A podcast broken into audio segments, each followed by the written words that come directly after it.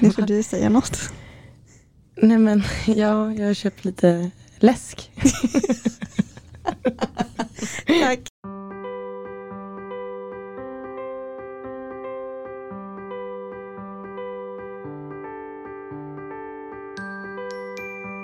Hej, det här är Hanna Hej, det här är Angelica. och det här är våran podd Som heter... Under livet. Jag vet inte varför jag låter så glad, för jag har ont. Ja, har ont. är det inte ofta så att när man har så ont att man typ överdriver och försöker fejka att nu jag mår bra.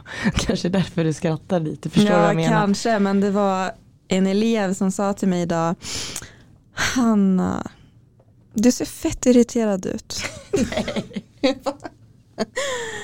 För det första, det är så här jag ser ut, men eh, ja, jag har faktiskt lite ont. Tack för att du frågar. De är så gulliga verkligen.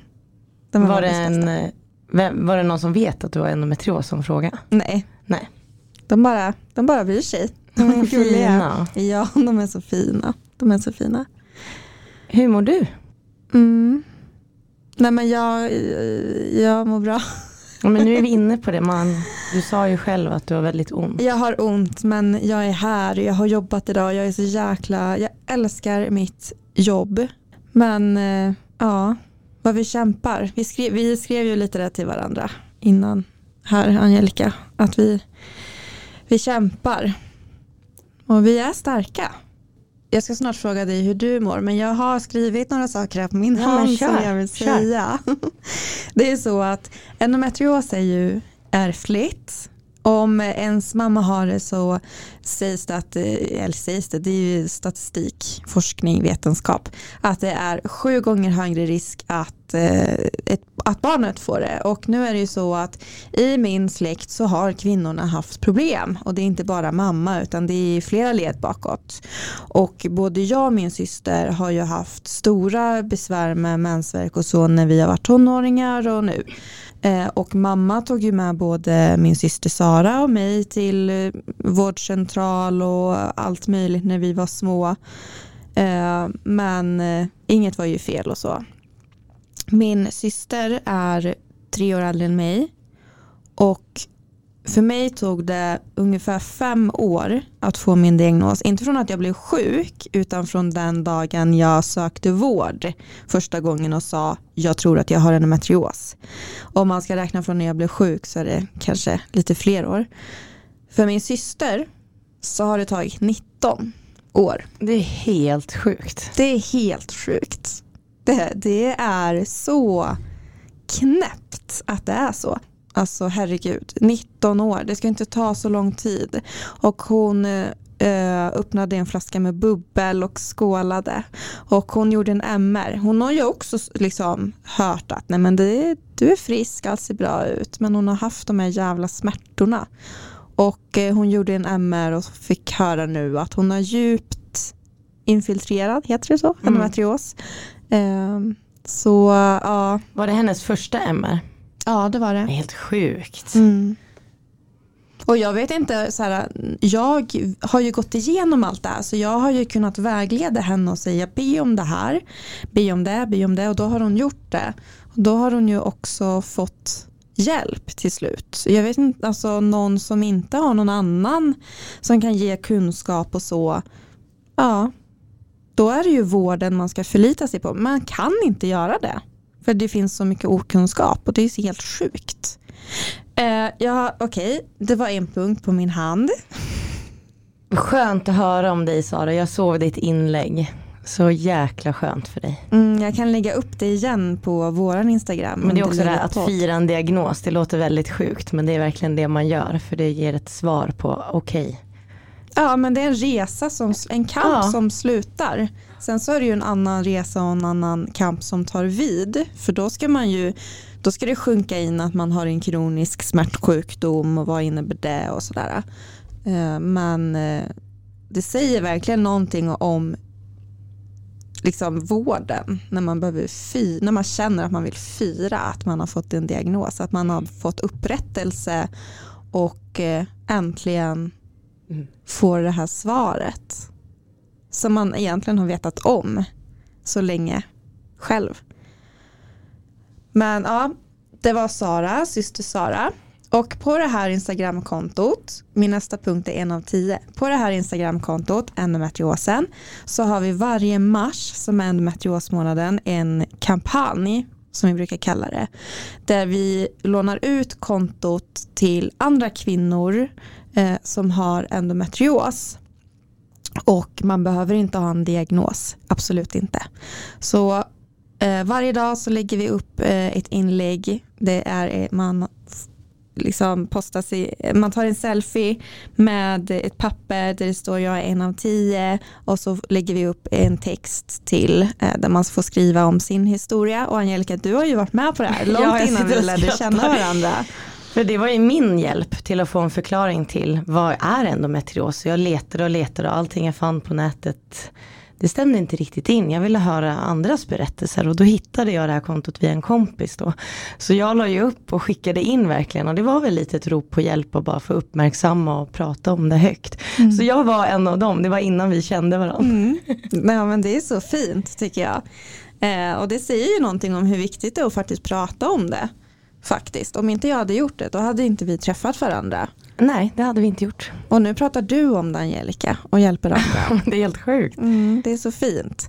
Så gå in på endometriosen och var med i den kampanjen för det är jätteviktigt att visa att vi är så många som är drabbade. Vi ser olika ut, vi har olika yrken, olika åldrar, olika allt möjligt eh, och vi är sjuka på helt olika sätt. Det finns liksom inte en en snäv mall som faktiskt ganska många läkare tror. Så det är viktigt. Och sen så har jag skrivit min sista punkt, köp a flow. Nu ska vi berätta att vi kommer ju snart ha, få en rabattkod till er lyssnare. Woho! Vår första rabattkod tror jag. Så infrakudden kan bli er, vänta på koden. Exakt, köp inte flow eh, pillow heat kudden från flow life nu utan vänta så får ni 20% rabatt. Vi återkommer. Angelica, hur mår du? jag ska äntligen också få en kudde. Jag som har sagt det i flera år känns det som. Mm. Eller ett år minst. Mm. Så skitkul.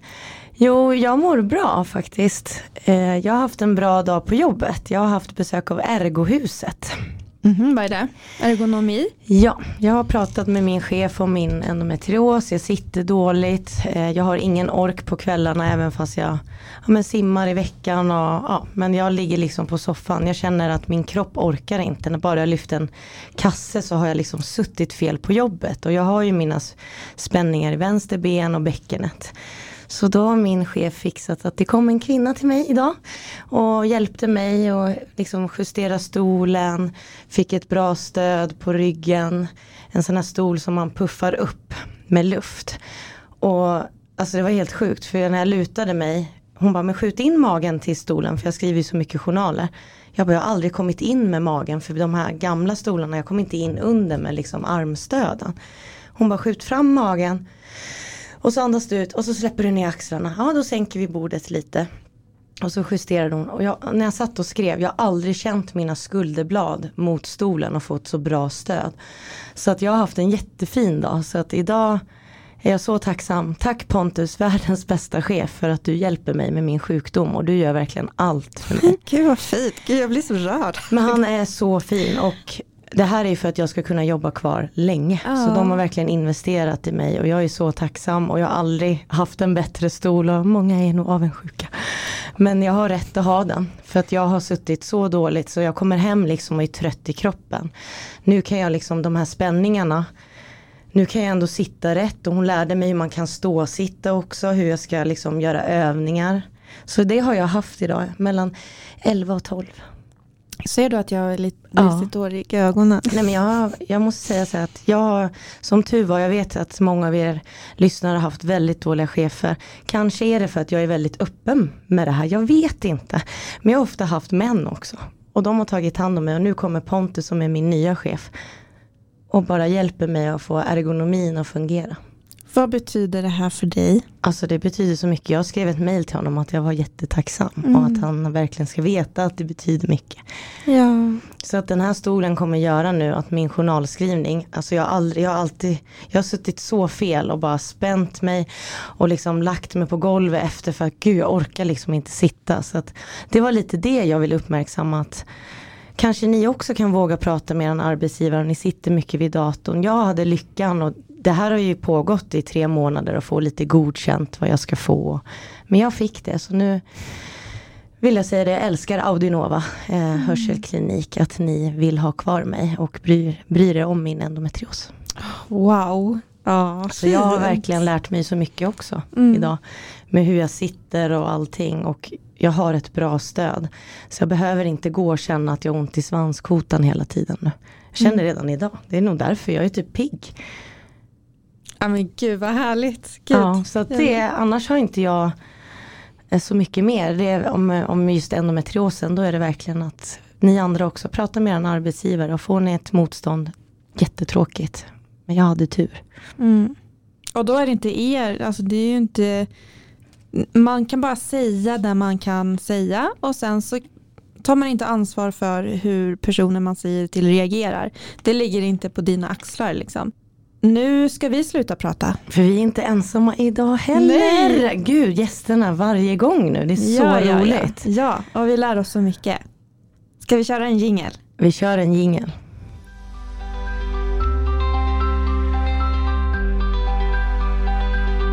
Och vi har ju Eva med oss idag. Hej Eva! Och, hej! Hej! Och vi ska snacka om klimakteriet. Mm.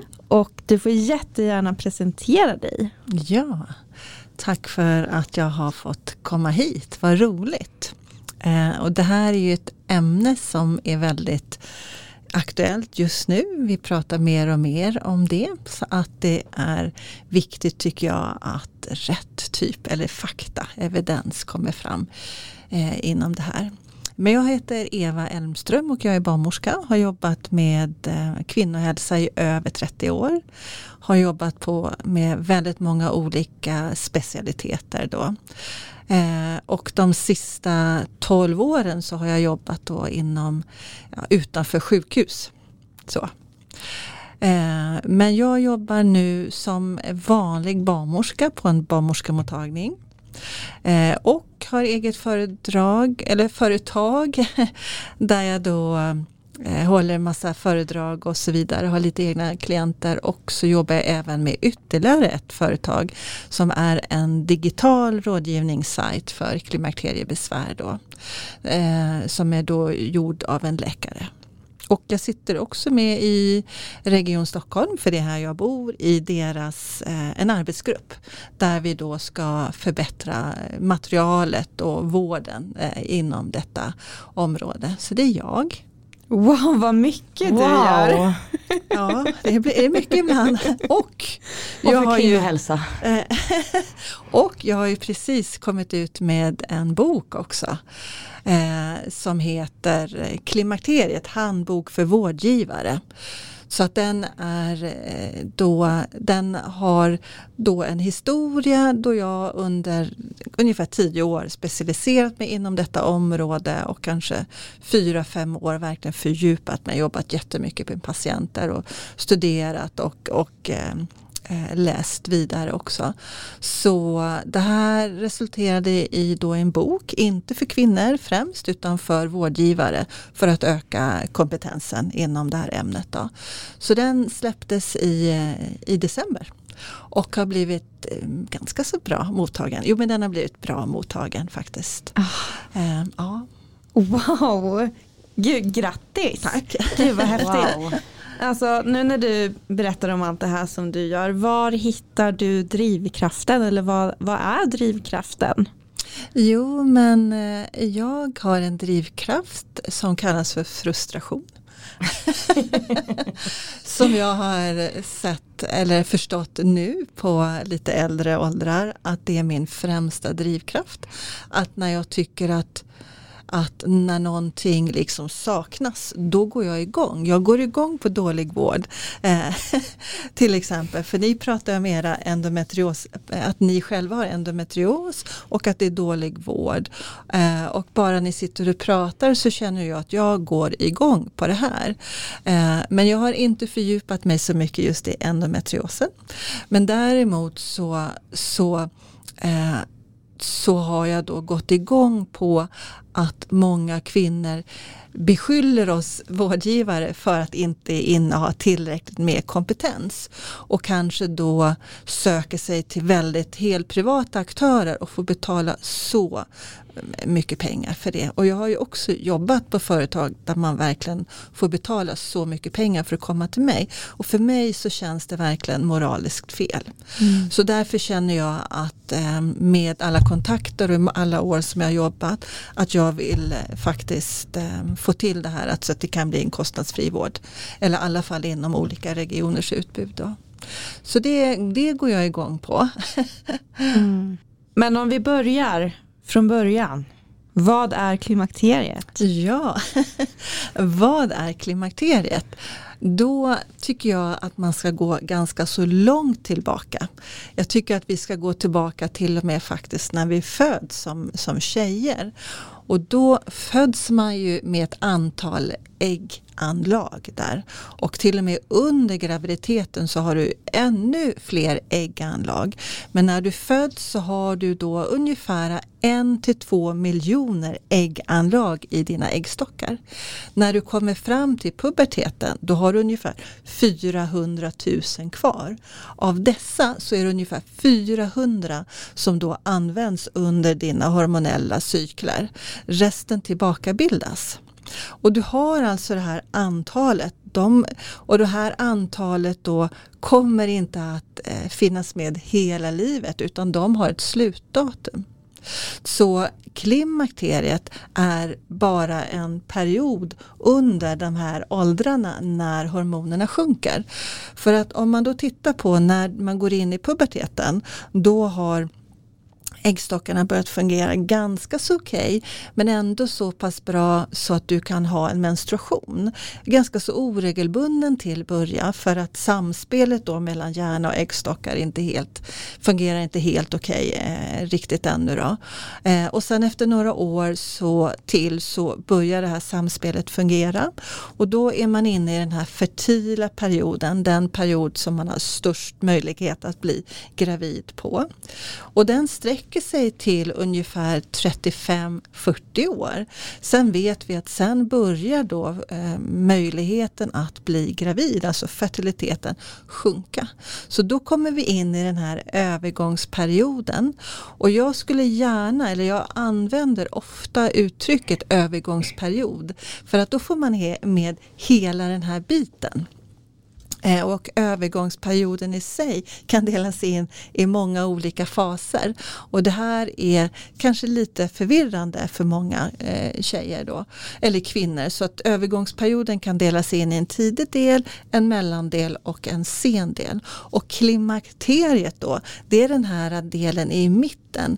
Eh, åren innan och efter, man kan säga 5 till 10 år innan och efter att mensen försvinner, alltså menopausen. Så, så att den perioden är klimakteriet. Så, så det är som sagt var det är en period på ungefär 5 till 10 år.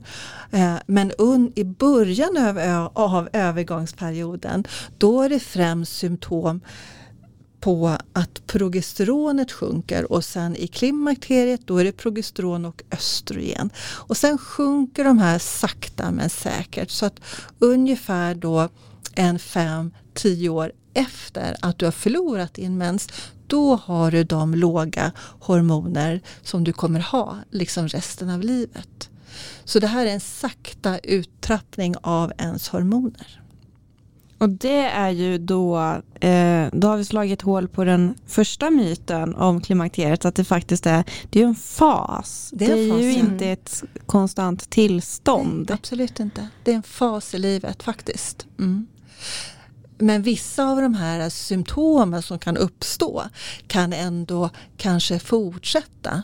Eh, symptom av ett lågt östrogen, bland annat av eh, att många kvinnor blir eh, ja, varma eller nattsvettningar, eh, eh, värmevallningar och en del kvinnor trots att det har gått de här eh, 5-10 åren, för de flesta så upphör de här eh, symptomen då efter ett antal år. Men för en del kvinnor så fortsätter det här resten av livet. Så du kan alltså träffa en 80-åring eller 90-åring som har vallningar. Eh, så att det är inte alla besvär som, som försvinner.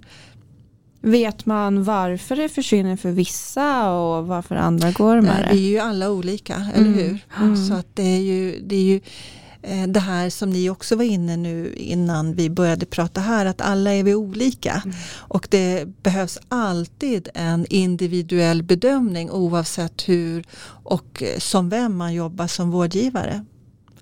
Eh, men, men när man tänker då på besvär som kan hända under de här äh, åren så är det verkligen inte rättvist. Utan en del kvinnor drabbas ju jätte, jätte av stora problem. Liksom. Eh, och en del går in i de här eh, åren eller perioderna väldigt ung ålder också ska man ju veta. Och en del kvinnor drabbas inte alls. Men man brukar ändå säga att ungefär 70 procent av kvinnor har besvär av övergångsperioden. Det är väldigt mycket.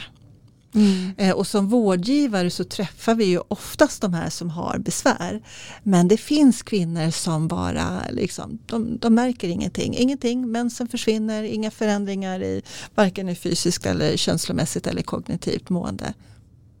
Mm. Och då är inte det heller något fel. Jag tänker om jag kanske hade varit den, bara, men gud jag känner ingenting. Mm. Då kanske man börjar reagera på att det är något fel. Eller ja. tänker jag lite knasigt nu?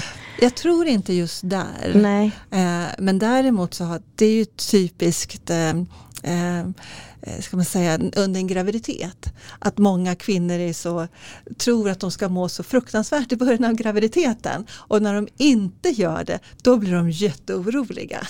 Ja men det var lite det ja, jag, ja men det var jättebra liknelse, exakt så tänkte jag. Men i klimakteriet då så, nej men jag har inte mött de kvinnorna mm. ännu som, eh, som tror att någonting är fel liksom ännu. Eh, men det kanske däremot... är för att vi söker fel ofta jag hamnar i våran sjukdom. ja. Men däremot så träffar jag oerhört många kvinnor som, som upplever besvär av detta. Och vad kan man få för besvär? Vad är det för symptom? Jo men de klassiska symptomen skulle jag vilja säga. Jag, först skulle jag vilja säga att den här åldern då mellan 40 och 50. 51 är alltså den, klass, den, den här äh, medelåldern för att gå in i menopaus, alltså sista menstruationen. Och det vet man först 12 månader efter att man har haft sin blödning. Eh, eller att man har tittat på med ultraljud eller tagit vissa prover eller någonting sånt. Då. Eh, men, men de här klassiska symptomen, eller det, det jag, det jag vill komma till det är att, att den här åldern mellan 40 till 50 är en ganska så påfrestande ålder för många kvinnor. Eh, man har kanske fött barn, man lever i en relation, den kanske är långvarig, man kanske har haft en skilsmässa, man jobbar, det är karriär, man kan ha åldrande föräldrar som behöver lite extra stöd. Så, så att, eh, det är oftast väldigt mycket omkring de här kvinnorna. Och oavsett hur mycket vi än vill det så, så är vi liksom inte gjorda för att klara allting i livet. Så att det är ju liksom eh, det vill jag ha sagt nu innan vi börjar gå in på de här symptomen. För att det kan vara svårt att veta vad som är vad. Inte efter klimakteriet, inte efter att, att eh, mensen har försvunnit och symptomen är mer klassiska. Utan det är mera här innan då. Ehm, det som kallas kanske för perimenopausen och det som en del kallar också för förklimakteriet. Och jag tycker förklimakteriet är ett lite felaktigt begrepp för det luddar till det hela eh, ännu mera. Men, men det klassiska är att kvinnor kommer till mig och säger att jag känner inte igen mig själv. Jag har det så himlans bra i livet eh, men jag förstår inte vad som händer. Det är klassiskt. Så det här känslomässiga då att man känner sig mer orolig, man känner sig mer nervös, man känner sig mer nedstämd och i början då innan då att mensen försvinner så går ofta de här symptomen i skov. Och det handlar ju om då att äggstocken då eh, i perioder fungerar ganska så normalt och producerar de här hormonerna. Och då pratar vi främst om progesteron och östrogen. Medan eh, sen en period så kanske eh, just det här ägget som är på gång då eh, kanske har väldigt dålig kvalitet. För det är inte bara det att de håller på att ta slut utan kvaliteten försämras på dem också. Så det är klassiskt i den här perioden att skoven kommer och går. Så det är alltså tidiga symptom, det att man ja. inte börjar känna igen sig själv. Det är det om Precis. man pratar tidigt. Ja, just det, mm. absolut. Eh, men där får man ju också ha i beaktning att ehm, det är så mycket annat i livet som pågår. Och att de här symptomen mycket väl kan komma av stress också faktiskt. Men idag så, så har kvinnor väldigt lätt att ta eh, till sig att könshormonerna, könshormonerna är boven till deras mående också. Så att mitt arbete går ju ut mycket på att liksom eh, bena ut vad som är vad. När började det här egentligen? Var det någonting annat som började samtidigt? Finns det några klassiska symptom som nattsvettningar, sämre sömn, torra slemhinnor eh, eller Eh, finns inte de symptomen men var det någonting, är det någon skilsmässa på gång till exempel eller är det något barn som mår dåligt? Det är ju ett klassiskt verkligen att, att vi kvinnor, vi mammor mår dåligt när våra döttrar eh, eller barn överhuvudtaget, jag ska inte bara säga döttrar, våra barn går igenom svåra saker. Det, vi påverkas oerhört mycket av det. Eh, så, att, så att vara den här, kan ställa de här ganska så, så opartiska frågorna. Eh, så hur mår du? Vad händer i ditt liv? Eh, det är viktigt. Men de här hormonerna progesteron och östrogen. Vad, vad, varför har vi dem? Vad är de bra för? Precis. Eh, då måste vi prata om vår menstruationscykel också. Ja. Eh, och de här hormonerna har ju även män faktiskt mycket mindre mängd. Eh, och varför de har det riktigt, det tänker jag inte gå in på här. Men, men eh, våran reproduktionscykel då med de här hormonerna är ju till för att vi ska kunna eh, att evolutionen ska kunna fortsätta. Att vi ska kunna reproducera oss helt enkelt. Eh, det är väl det första man tror. Sen kan man ju undra om de har något annat syfte också. Men, men de som verkligen kan det här, de säger att det här har bara att göra med vår fertilitet, vår reproduktionsförmåga att göra. Eh, förr i tiden, kanske för hundra år sedan, så levde vi bara till 50 år. Och då så gick man ju inte igenom det här på samma sätt. Idag så lever ju vi kvinnor, jag tror att medelåldern är 83 år. Så det betyder ungefär 30 år så har vi inte de här hormonerna. Men det det är viktigt, tänker jag, som kvinna att alltid förstå sin menstruationscykel. För där har man många kvinnor idag, unga kvinnor har också kommit till oss på barnmorskemottagningen och har frågor om deras fertilitet. Eh, hur ska jag veta att jag ska kunna få barn? Jag tror inte att jag kan få barn. Eh, så då får man ta väldigt grundläggande fakta från början. Och i våran cykel så har vi ju då en fluktuation av de här hormonerna. Till exempel i början av eh, där dag ett ungefär i menscykeln så har du ganska så låga nivåer av östrogen. Du har inget progesteron i, i dig då.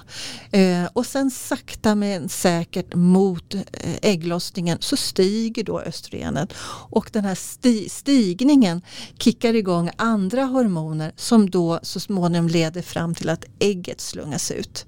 Och sen sjunker östrogenet eh, men börjar stiga försiktigt igen för att skapa en slemhinna i livmodern så att eventuellt ett foster då kan fästa där i. Och precis efter att ägget har slungats ut i den här, eh, i det här från det här mm, ägget som det faktiskt har varit så i, i den strukturen där så bildas progesteron. Så progesteron har vi bara kanske ungefär en, en 10-12 dagar per månad.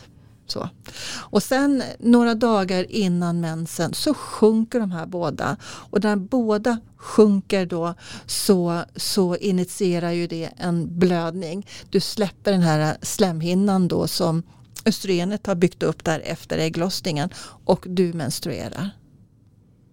Mm, Okej, okay. gud vad du är bra på alltså att jag förklara blir, du, mär, du märker ju, jag, jag, sitter så här, jag tappar ju alla mina frågor. Ja, Angelica lyssnar så intensivt. Ja men alltså det här hade jag ingen aning om. Nej men det här är viktig kunskap tycker jag för tjejer för att Eh, Eh, alla de här tjejerna som kommer då och frågar om, eh, det är, väldigt, det är många tjejer idag som inte litar på sin kropp. Och då menar jag inte de, det menar tjejer som inte har någon diagnos liksom också.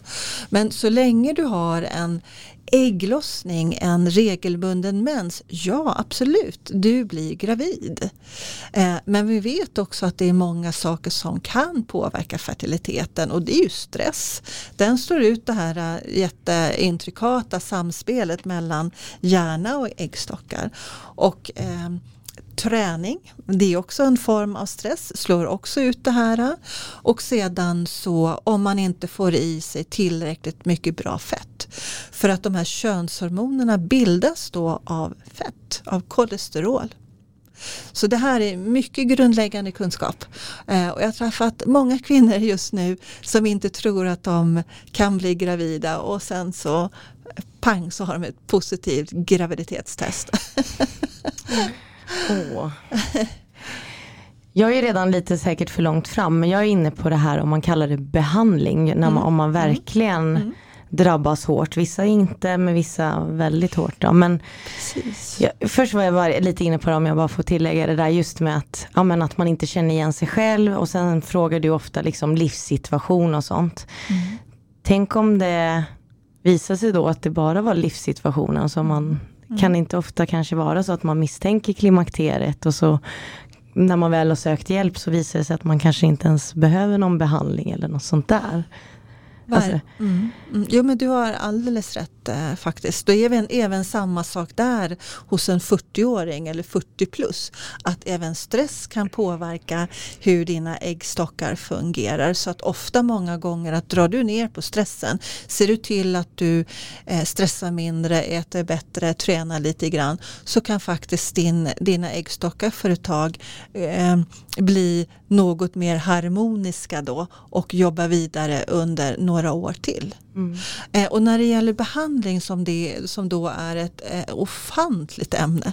För det beror alldeles på när du går igenom det här mm. också. Det finns ju tyvärr tjejer som drabbas av detta eh, kanske innan man brukar säga att normal ålder att komma in då, eller att sista mensen, menopausen, det är från 46, 46 års ålder till ungefär 58-60. Eh, drabbas man av det här innan 45, då är det tidig menopaus. Drabbas man av det här innan 40, vilket 1 % av kvinnorna ändå gör, då kallas det för en ovarialsvikt, alltså att äggstockarna slutar att fungera. Eh, och då är det jätte jätteviktigt med bra behandling. För går man in i ett, ett tidigt menopaus, alltså observera att jag säger inte klimakterium utan en tidig menopaus, så vet man på sikt att det verkligen har konsekvenser för hälsan. Då ska man till en gynekolog och få full behandling med eh, östrogen, progesteron och kanske lite testosteron också. Eh, men sen när vi går in då i 40, 46 års plus då så är det ju Eh, idag så pratas det ju väldigt mycket om eh, vad som händer och kvinnor börjar väl bli betydligt mer medvetna om detta och sin hälsa överlag. Vi känner efter ganska så bra. Eh, så då kan man börja med någon form av preparat och det är inte alltid säkert vilket preparat. För eh, nu har jag nämnt några andra symptom här. Ni vet det här med, eh, med känslomässiga symptom, med vallningar, svettningar, sömnstörning. Men en av de absolut vanligaste, ett tecken på då att den här menscykeln inte riktigt fungerar som den ska, det är ju blödnings, eh, alltså oregelbundna blödningar, förändringar med blödningarna. Det är nästan, eh, det är nästan symptomet nummer ett. Då förstår jag på en gång, aha, nu är det någonting här i äggstocken som har ändrat sig. Ehm, och kvinnor kan ju antingen då de kan blöda så fruktansvärt mycket av detta. De kan också få en oregelbunden blödning. Den kan hoppa från ena månaden till den andra. De kan bli av med blödningen kanske några månader till att det plötsligt är helt regelbundet igen. Så att det här är en ganska så lömsk ålder skulle jag vilja säga. Eh, och just den här åldern då, eller perioden innan du går in i menopausen är kanske den mest krångliga just för att hormonerna hoppar efter menopausen, ja det går mycket lättare. Även fast dina hormoner sjunker fortfarande så är det ändå lite mer stabilt då. Innan, innan du går in i menopausen, de här åldrarna där, eh, så, så det här med eh, oregelbundna blödningar, nattsvettningarna, sömnstörningen då som också påverkar det känslomässiga måendet. Eh, det är ganska så jobbigt att ha det så. Många, just det här att de inte känner igen sig själv, de söker vårdcentralen, de tror att de börjar bli deprimerade, de kan bli insatta på sådana stämningshöjande preparat, vilket inte alltid är fel. Eh, men eh, någon kanske borde säga hallå där, har du tänkt på att du kan vara i, i någon övergångsperiod här, du kanske ska träffa en läkare och prata om det eller en, en gynekolog. Eh, men det finns massa olika sätt att behandla på. Eh, men lite inne på hur du jobbar, hur går ett besök till? Nu är jag så inne i en endometrios, gör man undersökningar, för man någon dagbok? Jag vet ingenting. Liksom. Mm. Så berätta hur man kartlägger allt Precis, och sånt där. Just det, ja, vilken bra fråga. Eh, och det är också lite olika beroende på vart du är i den här fasen. Men mina samtal eh, startar alltid med att jag tar en ordentlig anamnes. Eh, och då är det, typ, det är sjukdomsbild? Ja, precis. Sjukdomshistorien. Då. Mm. Vad har hänt i ditt liv? Jag går igenom hela livet med den här patienten. Så det här är alltså besök som egentligen ska ta ganska så lång tid.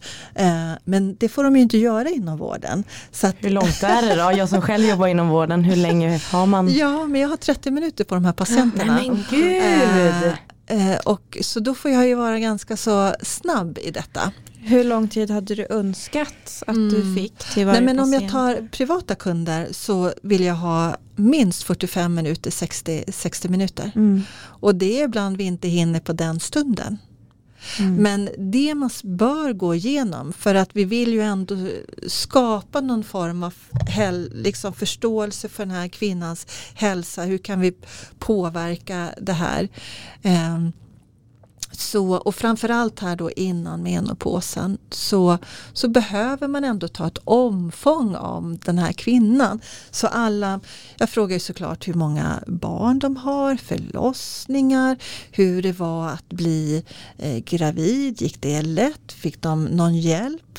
Eh, någon form av gynekologisk eh, historia också. Eh, till exempel endometrios kan man ju ha. Eh, sista gynekologiska besöket, eh, går du på regelbundna cellprovtagningar, mammografi. När gjorde du sista gynbesöket? Andra sjukdomar, sköldkörtelsjukdomar är ju självklart. Måste alltid ha en differentiering då i, i, i bakhuvudet. Eh, Eh, hur är det med stress, utmattning, depressioner, järnbrist. För allt det här är ändå väldigt klassiskt för kvinnor. Eh, och sedan så går vi igenom då vilka symptom man har och då så använder jag ofta någonting som heter eh, M, eh, vad heter det, eh, Menopause Rating Scale. Eh, och då går man just igenom, får man då Eh, det är då värmevallningar, sömnstörningar, oro, nervositet, eh, irritabilitet, nedstämdhet, eh, sexuell hälsa med mera, med mera. Det är, olika, det är elva stycken olika frågor. Och så får man då skatta från noll till fyra. Och då får man hum om hur just den här kvinnan har det i sin, liksom, det blir en ganska så tydlig bedömning. Men sen vet vi att kvinnor kan vara väldigt liksom milda i sina bedömningar också. Nej, men det är inte så svårt det här med vallningar. Så. Och så sätter de då en etta ungefär och så frågar jag lite men aha okej okay, men, men du har milda vallningar. Ja men jag vaknar ju upp där några gånger per natt och svettas igenom allting. Ja men då är inte det en mild så man måste alltid skrapa lite på ytan. Men jag tänker där blir det en väldigt subjektiv bedömning. Mm. Eller så här, mm. Jag träffar ju många tinnituspatienter och då är det upp till mig att lita såklart vilket man gör. Mm. Men jag tänker just har du något Ja, efter den här skattningsskalan, vi kommer säkert till det, men där blir det verkligen kvinnans upplevelse. Men är det något mer du gör då, tester eller blodprover eller någonting för att bekräfta det här? Um, ja, du är mer bekräfta, jag vet ju inte, uh. men alltså jag är inne på det här mer få något på papper. Liksom. Precis. Ja, men det är precis det som kvinnor vill ha. men, men som vårdgivare är jag inte så himlans intresserad av de här proverna till att börja med. Däremot om en ung kvinna kommer in, alltså under 45 år, då ska man alltid remittera för provtagning. Men annars kan man bara förvänta sig att de här proverna är påverkade om man har det. Och det spelar ingen roll om du för det är, även behandlingen är subjektiv. Liksom hur upplever kvinnan behandlingen? Eh, om vi nu går in lite på östrogenbehandling, till exempel östrogenplåster som då är en av de absolut vanligaste behandlingarna. Så finns det allt mellan 25 till 100 milligrams eller mikrograms plåster. För en del räcker 25 och en del vill ha 100 och de har fortfarande inte alla symptomen är borta. Så att det är hela tiden en, en individ individuell bedömning i detta. Men däremot är det ju många kvinnor som faktiskt vill ha eh, prover. Så de vill veta hur deras eh, äggstockar fungerar. Eh, och det kan man ta. Men det visar bara hur äggstocken fungerar precis just då. Eh, om några veckor eller någon månad, ja men då kanske den fungerar jättedåligt. Eller så fungerar det ganska så bra. Så att det enda provet säger mig det är att okej, okay, du befinner dig i övergångsperioden. Och vi får prova oss fram Eh, som precis till exempel när tjejer kommer för preventivmedelsrådgivning. Så det är en uppsjö av preparat, det är en uppsjö av mående och faktorer som man hela tiden måste ta i beaktande. Likväl här. Eh, men under preventivmedelsrådgivning så får man eh, då, de här och de här preparaten finns, vad tror du passar dig? Liksom? Ja, men, eh, vill du ha ring, vill du ha piller, vill du ha plåster, vill du ha hormonspiral, vill du ha injektion? Nej men jag vill ha ett piller, okej, okay. ja, men vill du ha piller kombinerat med eh, östrogen och, och eh, progesteron eller vill du bara ha progesteron liksom så. Eh, ja, så att det är hela tiden och även då, ja men då kör vi en uppföljning på detta preparat om tre till sex månader och den kom, så kommer den här tjejen tillbaka, nej men det här passar inte mig, ja men då provar vi någonting annat. Så att det finns ju så många olika varianter så att någonstans måste man bara börja. Gud vad intressant, jag började skratta för mig själv för det blir så här när man var tonåring och gick till ungdomsmottagningen och skulle testa p-piller. Så testade man något och så fick man komma tillbaka och utvärdera. Och jag tänker många som är där 46 när man hamnar i den här menopausen, var det då va? Mm så tänker man då kanske de inte har gått på p-piller eller någonting under många år förrän de var tonåringar. Så blir det nästan som ett nytt besök igen när man går och testar preparat. Alltså, mm. Då blir det ett sånt besök igen med uppföljningar. Och... Mm. Absolut. alltså, vi kom tillbaka där. Ja. Jag tänkte på en grej där Angelica när du sa att eh, nej men du pratade om att ta prover för att bekräfta det uppenbara då. Eh, och jag tänker att eller jag satt och tänkte lite, vänta här nu. Är klimakteriet en diagnos? Nej, det är det väl inte. Det är ju inte för prover tar man ju för att bekräfta diagnoser. Men jag, jag tror att det är för att man, jag tror du, vet, du såg nog på mig också, att man är så inne i den här endometriosen där man vill ha allt på papper. Ja, Men det är ju inte en diagnos. Nej precis, och också att så här, klimakteriet är ju inte någonting som är sjukt. Det är ju bara någonting som händer. Så varför skulle man ta prover på det när man, det är ju mer att han, vad säger man, eh, behandla symptom. Det är ju inte att behandla en diagnos som man ska ha i journalen. Mm. Mm. Det, är jätte, det, är, jättebra faktiskt. Vi behandlar symptom. Mm. Eh, alldeles riktigt. Och, och det här är någonting som kvinnor alltid går igenom oavsett liksom Um, oavsett man vill eller inte. Det kommer uppstår på lite olika åldrar men alla ska vi den vägen vandra liksom. Mm. Så. Så att, um, det är ju inte som att vi får ha liksom puberteten inskriven i våran journal. Nej, Nej exakt. Menark, första mensen. Första mensen. men det är ingen diagnos. Nej precis, så varför mm. skulle man... Alltså, ja, men det var väl bara om man var yngre. Nu? Om man var yngre än den här åldern. Exakt, då är då det viktigt är det. däremot. Mm. Då vill så vi gärna man, veta det. För mm. då blir det en diagnos också. Tidigt klimakterium eller eh, prematur ovarial, ovariell svikt som det heter eller insufficiens där. Mm. Då är det en diagnos. Och det var en procent. En procent ja, men den börjar öka lite nu också. Så att jag har sett någon, i någon ny studie att det var, att det var 2 procent. Du ser, jag är, jag är med i studierna här. Jag är inne på proverna här nu. Mm. varför, varför ökar det? Vet du det? Nej, jag vet faktiskt inte. Nej. Eller, eller, nej, jag vet faktiskt inte riktigt. Nej. Um, det kan vi ta ett annat Ja, precis. Program. Vi får återkomma. Ja, precis. Mm. Mm, mm. Men just det, vi fick ju lite frågor vi har ju redan ställt några under gången. Men det här är från en lyssnare då att varför behandlar primärvården klimakteriebesvär och inte öppenvårdsgyn? Det var en fråga och jag är inte så insatt så att mm. du får svara på den. Nej, men det är en fråga som har varit ganska så aktuell nu och som har man roddar ganska så mycket i den här. Får jag fråga då, vad är det för skillnad mellan primär, primärvården och öppenvården? Precis, Nej, men att primärvården är ju oftast då, det är husläkaren och vårdcentralen. Det är ju första instans där man skickar remisser till. Sen är det menat att de då ska skicka remisser i sin tur till specialister. Men läkarna som jobbar på en vårdcentral, de är ju specialister i sig. De är ju allmänspecialister. Ehm, så de har ju ett, ett väldigt brett kunskapsområde. Medan gynekologerna då, de har ett ganska så snävt kunskapsområde. Men det här har varit uppe på tapeten bara nu. Eh, sedan januari så har det varit mycket diskussioner om detta.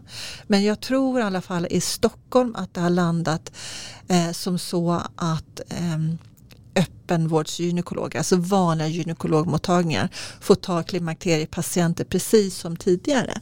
Men, men Stockholm är Stockholm, storstäder i städer med ganska så många gynekologer i. Eh, om man då jämför med hur det är ute i landet. Eh, ute i landet så är det faktiskt väldigt ont om gynekologer. Eh, och det här området behövs. Är du en frisk kvinna så att egentligen så kanske du inte behöver en gynekolog i första skede. Däremot har man en diagnos med sig som endometrios och man börjar komma in i de här åldrarna. Då ska man absolut ha en, en gynekolog specialiserad på inom området. Men men det finns en förening som heter Sveriges förening för obstetriker och gynekologer. Obstetriker är alltså förlossningsläkarna och gynekologerna får i sin specialistträningsutbildning då både kompetens för, för förlossning och för gynekologi. Eh, men i den här föreningen då som kom ut med nya riktlinjer för tre år sedan så står det det att man i ett första initialskede inte behöver ha en kontakt med en, med en gynekolog. Så att det här öppnar ju då mark för, för eh, vanliga allmänläkare ute i landet och de behövs. Och är du som sagt var en frisk kvinna så inga problem, ingen speciell gynekologisk anamnes med dig i botten då, då så, så kan en, en allmänläkare mycket väl skriva ut preparat. Eh, och så kan man börja med de preparaten och det är någonting jag gärna vill skicka med kvinnorna som är, befinner sig i den här åldern som, och som lyssnar på det här avsnittet. Att det är inget det är inget farligt att börja med något som helst preparat. Man kan börja med nästan vilket preparat som helst eh, utskrivet av en läkare bara för att få möjligheten att må bättre. Det vill säga mer symptomlindrande, mindre vallningar så att du sover bättre. Och bättre sömn leder till att du, man blir mindre känslomässigt labil till exempel. Så, så att det finns, eh, eh, för att det här med behandling är ju också ett ett, eh, ett stort område som kvinnor pratar otroligt mycket om och det är väldigt mycket skriverier om det här med bioidentiska hormoner. Och då är ju första frågan, vad är bioidentiska hormoner? Och då så allt östrogen som förskrivs i behandling då för, för klimakteriebesvär i Sverige är bioidentiskt för det första. Men det man pratar främst om det är det här progesteronet. Då. Eh, och progesteron under behandling kan man få som i tre olika skepnader. Först bioidentiskt progesteron som då är molekylärt exakt likadant som det vi har då under fertil ålder. Sen har man då gestagen som är ett syntetiskt progesteron, det som oftast finns i preventivmedel. Och sen har vi då ett preparat som heter dydrogesteron som är snarlikt eh, då, eh, det här naturliga progesteronet. Eh, och det naturliga progesteronet är då nedbrytet i massa, massa små partiklar så det heter mikroniserat progesteron bara för att man ska kunna ta upp det på ett annat sätt. Och Många kvinnor idag tror att eh, den enda lösningen då förutom östrogen är det här bioidentiska progesteronet och jag vill verkligen eh, säga som så att det inte alls säkert att det är som det är för dig utan här handlar det mer om vilket preparat du mår bra av. En del kvinnor mår jättedåligt på gestagener. En del kvinnor blir trötta, hängiga, deppiga av progesteron. Det preparat som kanske har mest neutral effekt är dydrogesteron. Så med det sagt så kanske man behöver prova alla tre preparaten innan man faktiskt hittar rätt. Bra att du kom in på det, för vi har ju faktiskt fått en för, eller flera frågor om just det, bioidentiskt progesteron. Varför är det så var, varför är det så på tapeten mm. just nu? Ja, det har faktiskt varit på tapeten nu i ganska så många år. Eh, och de sista åren så har väl det uppmärksammats mer och mer i Sverige.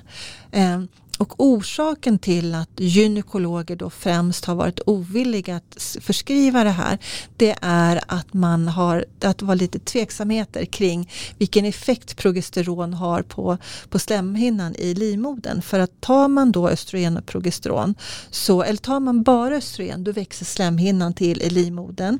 Det kan då på sikt leda till att du får en cellförändringar som på sikt då kan leda till cancer och det vill vi ju inte. Så man måste, har man sin livmoder kvar så måste man alltid, alltid ha båda de här preparaten. För progesteronet, oavsett vilken eh, skepnad den tar, eh, ser då till att slemhinnan i livmodern eh, blir tunn där. Och det känns också som att när det är någonting som vården kanske inte riktigt vill skriva ut mm. Så blir det ännu mer efterfrågan på något vis. Just det. Ja men det blir ju lite så. Det blir lite mytomspunnet. Ja. Men, men orsaken då är att man inte riktigt har, har sett Ingen svensk studie visar än vilken effekt det har på, på slemhinnan i livmodern, endometriet. Då. Eh, och sedan så är det här, och eftersom ingen svensk studie än har visat det, det finns däremot utländska studier, men så kan inte heller liv, eh, Livsmedelsverket, Läkemedelsverket då eh, eh, säga ja till det här preparatet. Utan då kan man istället förskriva det här på licens. Och att förskriva licenspreparat för läkare, det tar tid. Så, och eh, läkare har inte så många minuter med sina patienter. Eh, men det börjar förbättras och nu så till exempel så har det ganska så nyligen startat en studie och jag tror att de söker mer personer till den studien också. Den går på KI eh, och det är då en av de absolut främsta inom detta, an, professor Angelica Hirschberg som då håller i studien och jag vet inte riktigt hur länge den kommer pågå men där kommer alltså kvinnor, en svensk studie då med kvinnor som får prova då antingen då gestagen eller progesteron. Så det är precis det vi vill och blir den ett positivt utfall då så kommer ju då, eh, det kommer bli mycket lättare för Läkemedelsverket att säga ja. Och det är inte bara det utan man vill också se om om eh, riskerna där på bröstcancer. Man säger att progesteron har en något mindre risk för bröstcancer än gestagen. Eh, båda, för båda två ökar risken pyttelite efter fem års ålder. Eller fem år bruk av de här, ja, fem år av, av de här medicinerna då. Och man vet att risken är pytte, pytte, pytte, pytteliten. liksom. Så den här studien är till både för att kontrollera brösten och slemhinnan i livmodern. Så att det en av de bästa studierna på evigheter. Och det var faktiskt en av våra frågor också, att vilka mm. studier pågår just nu. Mm. Wow, då händer det grejer. Men det känns som att det är mer och mer på KI faktiskt forskas mycket i kvinnohälsa. Det har varit fler studier om endometrios till exempel vet jag. Och nu den här, det är ju jättehäftigt ja. att höra om. Ja men de är så duktiga de här forskarna vi har eh, angående kvinnohälsa mm. och de brinner verkligen för, för sitt ämne. Det finns ju studier nu om PMS från Uppsala där som, som jag tror att den kom ut i höstas. Så att, eh, jag tror alltid att det har funnits mycket forskning eh, men förhoppningsvis så, så är det lättare att få pengar nu så att ytterligare forskning kan faktiskt ske. Ja just det. Mm. Det finns mycket att upptäcka när det handlar om kvinnohälsa. Mycket och, och det som jag är lite inne på det är forskning kring, kring eh, äggstockens hälsa. Där finns det också små forsknings eh, eller artiklar då som är ganska så nya och som är lite häftiga faktiskt. Men, men de är för små än så länge för att kunna, för att kunna nämna skulle jag vilja säga ändå. Men de finns och de det kommer. Finns. Ja, ja. Bara det är ju gåshud. Mm, mm. Det är väldigt häftigt. Jag fortsätter att fråga. Jag är lite inne på det här med sexlust och klimakteriet. Mm. Det tycker jag är en viktig fråga att ta upp. Mm. Det är en jätteviktig fråga att ta upp faktiskt. Och den här sexuella hälsan där, vad händer med den? Eh, det är också en av de här klassiska symptomen. Men sex är ju väldigt multifaktoriellt här. Återigen, så att ni hör att nästan varje ämne som vi pratar om här är, finns otroligt många samverkande faktorer i. Eh, så egentligen det kvinnor behöver, kanske hela livet egentligen, det är en ledsagare. Så. Någon person som då är, som kan, som kan då stötta en eh, under de här åldrarna. Då. Men sexuell hälsa, ja vad händer? Eh, det finns en studie från 2019, den var en ganska så liten studie på tusen personer som då ändå hade gått igenom eh, klimakteriet. Eh, och det visade att, jag har för mig att det var 56 procent, alltså mer än 50 procent som upplevde mindre lust än innan. Eh, men man ska också veta att det är ganska så många av de här personerna som har den här nedsatta lusten som ändå tycker att det är okej. Okay. Eh, men att förvänta sig att sexlivet ska kunna bli som när man var 20-25 eh, det tror jag inte man kan göra. Men många då eh, beskriver det här till exempel med torra slemhinnor så i underlivet. Så, och sedan nedsatt känsel. Det tar längre tid att ladda. Det tar längre tid att känna lust att få kroppen att svara den här sexuella responsen. Eh, eh, och sedan så är det också många som uttrycker det här försämrad orgasm. Men framförallt är det eh, den här bristande lusten. Och många kvinnor tycker att det här är ett besvär, jag tycker det här är tråkigt, det påverkar min relation oavsett liksom eh, vem man lever med. Eh, Medan andra tycker att det spelar faktiskt ingen roll. Vi har en helt annan kommunikation, vi behöver inte det sexuella längre. Eh, men rent krast kan man då säga om eh, sexuella hälsan att den förändras. Så.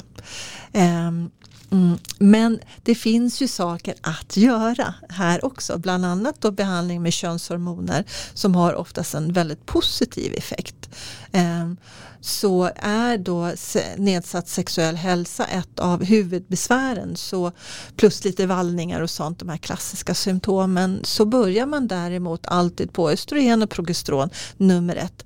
Ehm, känns det inte tillräckligt, tillräckligt efter till exempel ungefär en sex månader då kan man tillsätta lite testosteron också. Men framförallt så handlar det om, man har ändå sett i studier, i min bok så skriver jag ett, ett långt avsnitt om sexuell hälsa. Eh, jag har läst igenom, jag vet inte hur många artiklar. Jag ska ha ett föredrag nu i maj eller april som bara kommer handla om sexuell hälsa under den här perioden.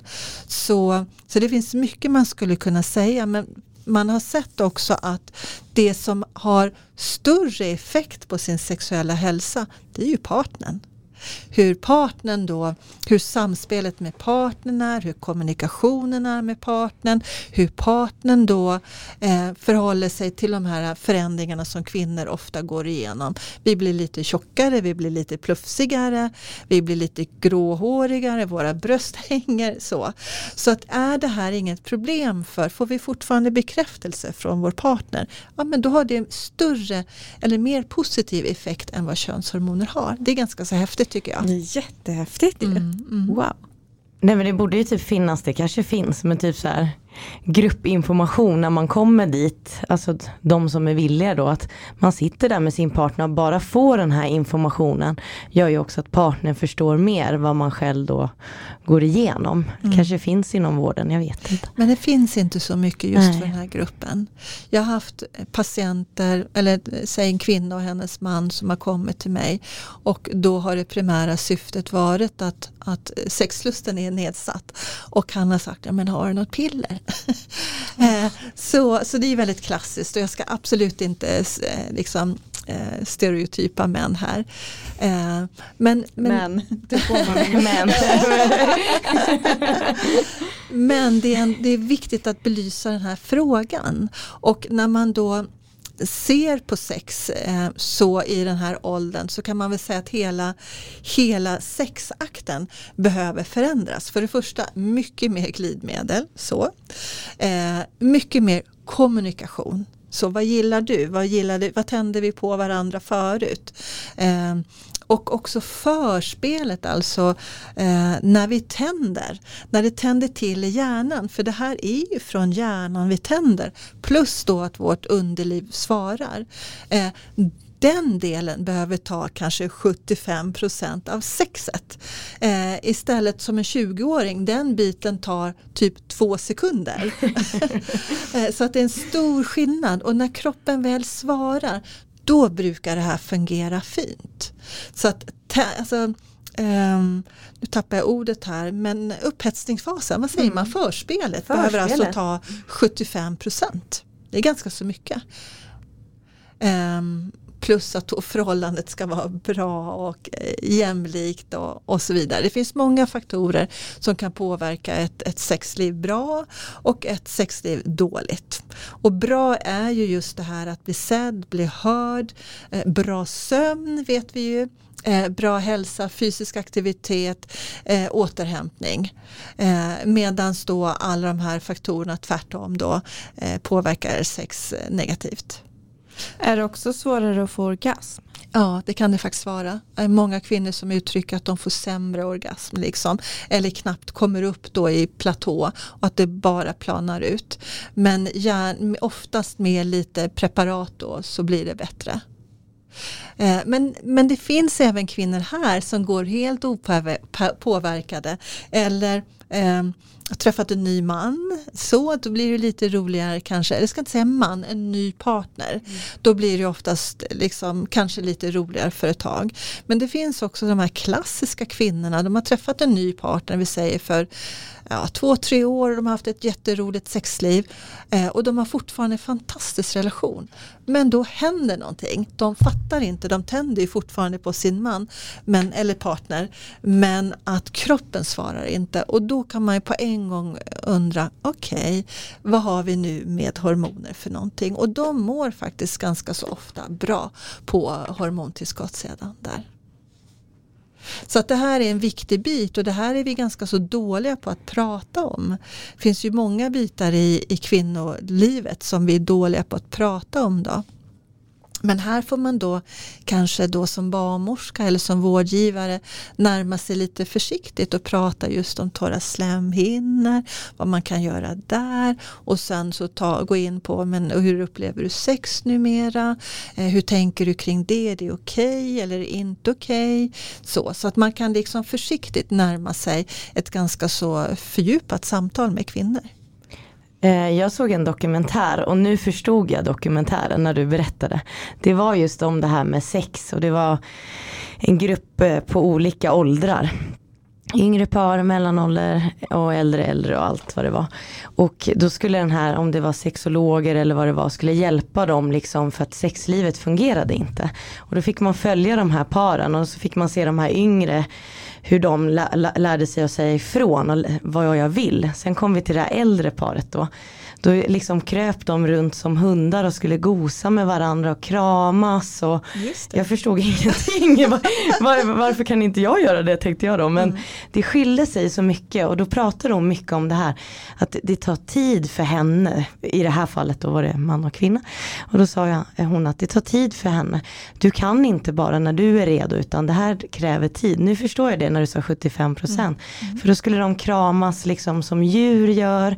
Eh, man skulle smeka varandra med olika föremål men de yngre hade en helt annan. Just det, precis. Wow, nu ja. förstår jag den där. Härligt. jag tycker också att det är så himla viktigt att man pratar om kvinnans sexualitet, kvinnan i det här fallet då, sexualitet. Att man också ser att det är viktigt mm. och att det inte bara är någonting, ja ah, men tyvärr, då mm. så som du har hört Angelica, att sex gör ont, ja men ha inte sex då. Men att man faktiskt förstår att det är viktigt. Det är också viktigt för hälsa, god hälsa, att ha sin sexualitet och att den mm. funkar. Mm. Om den är viktig för en själv. Mm. Men jag skulle också vilja säga som så om sexuell hälsa. Det finns många, det finns mycket myter. Ehm, jag har då haft förmånen att i och med att jag har jobbat med kvinnor som, som med hormonella besvär som de uttrycker då, då har jag haft förmånen att alltid eh, frågat mina kvinnor som jag träffat om eh, hur sexlivet är, hur lusten är. Och i och med detta så har jag fått ta del av så många kvinnors upplevelser. Och eh, om man då tittar på media till exempel så får man ju då den här eh, känslan av att sex kanske är det viktigaste i hela livet. Eh, och att du ska ha sex regelbundet och att du måste ha det här för att må bra. Men jag har träffat så många kvinnor som är oskulder trots att de är 40-50 år. Eh, och jag har träffat så många kvinnor som säger att nej men, nej men eh, eh, nej men jag har aldrig haft någon större sex, sexlust. Liksom, så. Eh, det, bekommer mig, det bekommer inte när jag var 20, det bekommer mig fortfarande inte. Eh, och jag har träffat såklart de här kvinnorna som har, vill ha sex varje dag eller flera gånger varje dag hela, hela livet också. Så att jag tror att vi kanske måste nyansera det här med sexuell, sexuell hälsa mer än vad, vad det har gjorts i media tidigare faktiskt. Ehm, det är jätteintressant och, och just det här med sexuell hälsa att så många kvinnor ändå trots att vi lever i ett upplyst samhälle känner sig så ensamma i det här. Mm. Ehm, och känner sig så himla onormala i mycket i detta. Ehm, och jag måste säga att jag tycker att lusten är det viktigaste och inte bara sexlust utan lusten till att göra saker. Eh, att, eh, att hitta på nya saker, liksom livet, nyfikenheten. Eh, och det är just det som kvinnor i den här åldern beskriver. Nej, men jag har tappat lusten, jag har tappat drivet. Eh, Okej, okay, vad beror det på? Eh, och det kan faktiskt vara på grund av östrogenbristen. Liksom. Det kan vara så enkelt. Så att det här är, det är stora frågor att prata om. Ehm. Jag tycker det är så fint när du ställer det till dina patienter. För att jag har aldrig fått frågan och nu hamnar jag lite i endometrios. Men jag, hade fakt jag har aldrig fått frågan och jag är 32 och blev sjuk 2017. Det hade bara varit väldigt fint om någon barnmorska eller någon läkare bara, men hur ser din sex, ditt sexliv ut? Bara för att få en bild av vad jag, jag kanske inte alls vill vara aktiv eller någonting. Men att det är ju så, liksom bara få en bild. Jag har aldrig fått den frågan. Mm. Har du? Nej, men bara tänker så här, det är så Mm, vet inte. viktigt. Det är Mm. jätteviktigt och just för er endometriostjejer så är det ju ännu viktigare med den här djupa liksom, smärtan långt där inne vid, vid, vid samlag. Den är väldigt typisk. Mm. Jag önskar bara att någon tog sig tiden att fråga för att jag själv nog har inte tänkt på att det berör ju liksom mitt underliv och jag har inte pratat så mycket om sex heller men jag har inte fått frågan. Jag blir jätteförvånad. Vad hade du svarat på den Angelica? Ja men då hade ju de fått en bättre bild om jag var i ett förhållande och att min partner då tycker att jag har förändrats, att jag hade fått prata mer om kring det. Så att de kanske hade kunnat sätta in en hormonbehandling tidigare. Det är sånt jag börjar tänka nu. Eller eh, kanske att jag är en singel men jag vill ändå kunna ha sex när jag ja, men dejtar och så men det funkar inte. Bara att någon skulle bara se mig liksom att okej men hur ska vi få det att funka liksom. Men det är liksom aldrig någon som har frågat. Mm. Mm. För det är så viktigt Det oavsett vilken ålder Mm. känner jag nu. Mm. Det tycker jag att ni kan ta upp med era eh, endometriosdoktorer faktiskt och säga att det här, det här har vi kommit fram till att det saknar vi. Mm. För det finns säkert någon, någon barnmorska eller så som skulle kunna tänka sig att fördjupa sig i sånt också. Men jag tänker du träffar ju kvinnor i alla olika Ja. åldrar. Mm. Och det gäller ju oss alla. Så Mm. det var så Mm. fint när du sa det. Jag ville Ja. bara Du får komma upp till det. mig. Ja, jag snappade upp det. Jag blev så här, Ja. gud, ingen att fråga mig någonsin. Nej. Ja, vi får prata mer om det här. Ja, precis. Ja. Nej, och det var inte alls meningen att ta över. Men jag menar bara att det här gäller ju, Nej, men det är Det jättebra. spelar ingen roll om det är klimakteriet eller vad det är, utan Precis. det var när du sa det, det träffade mig väldigt, wow. Mm. Ja men det är viktigt, det är jätteviktigt. Och just det här att man att, att sex fortfarande är så pass tabu trots att det är 2022. Mm. Ehm, och att ehm, jag menar vi barnmorskor vi pratar ju det känns som vi alltid pratar om sex. Jag menar, under graviditet, efter, ehm, innan graviditet, under graviditet, efter graviditet. Ehm, I de här åldrarna som vi pratar om idag. ehm, så jag, jag tycker jag pratar eh, sex, sexuell hälsa jättemycket. Jag tror att det blir lättare om det är en vårdgivare som ställer frågan. För en själv kanske tycker att det är pinsamt Ja, också att komma in på det och precis. bara öppna den där lilla porten. Ja. Men en annan fråga, är det vanligt att man tar med sig sin partner på dina besök? Du nämnde någon där men Mm. Nej men oftast inte. De kommer gärna själva. Um, jag tror att nog att det eh, handlar lite om kanske tidsbrist. Men, men varför inte komma själv tänker jag. Ehm, och få den här egentiden. För det är ju det som saknas lite i vårt samhälle överlag. Ehm, den tiden som är framförallt för mig. Där jag inte behöver ta hänsyn till någon annan. Utan det är jag i fokus. Det tycker jag är viktigt. Och jag tycker att vi ska unna oss det. Ehm, så, så visst finns det tillfällen då när män kommer men jag eh, vänder mig nog ändå främst till kvinnan där. Det är helt annorlunda under en graviditet där båda liksom ska vara inkluderade då men här tycker jag att fokus ska ligga på kvinnan faktiskt. Mm. Vi ska knyta ihop säcken och jag tänker är det någonting som du tycker är så viktigt att tillägga? Jag tänker att som kvinna så ska man ha ett ganska så kritiskt granskande Eh, i detta för att det finns väldigt mycket information på sociala medier och det är inte alltid som den stämmer. Eh, gärna second opinion om man inte är säker på att det här stämmer. Liksom så.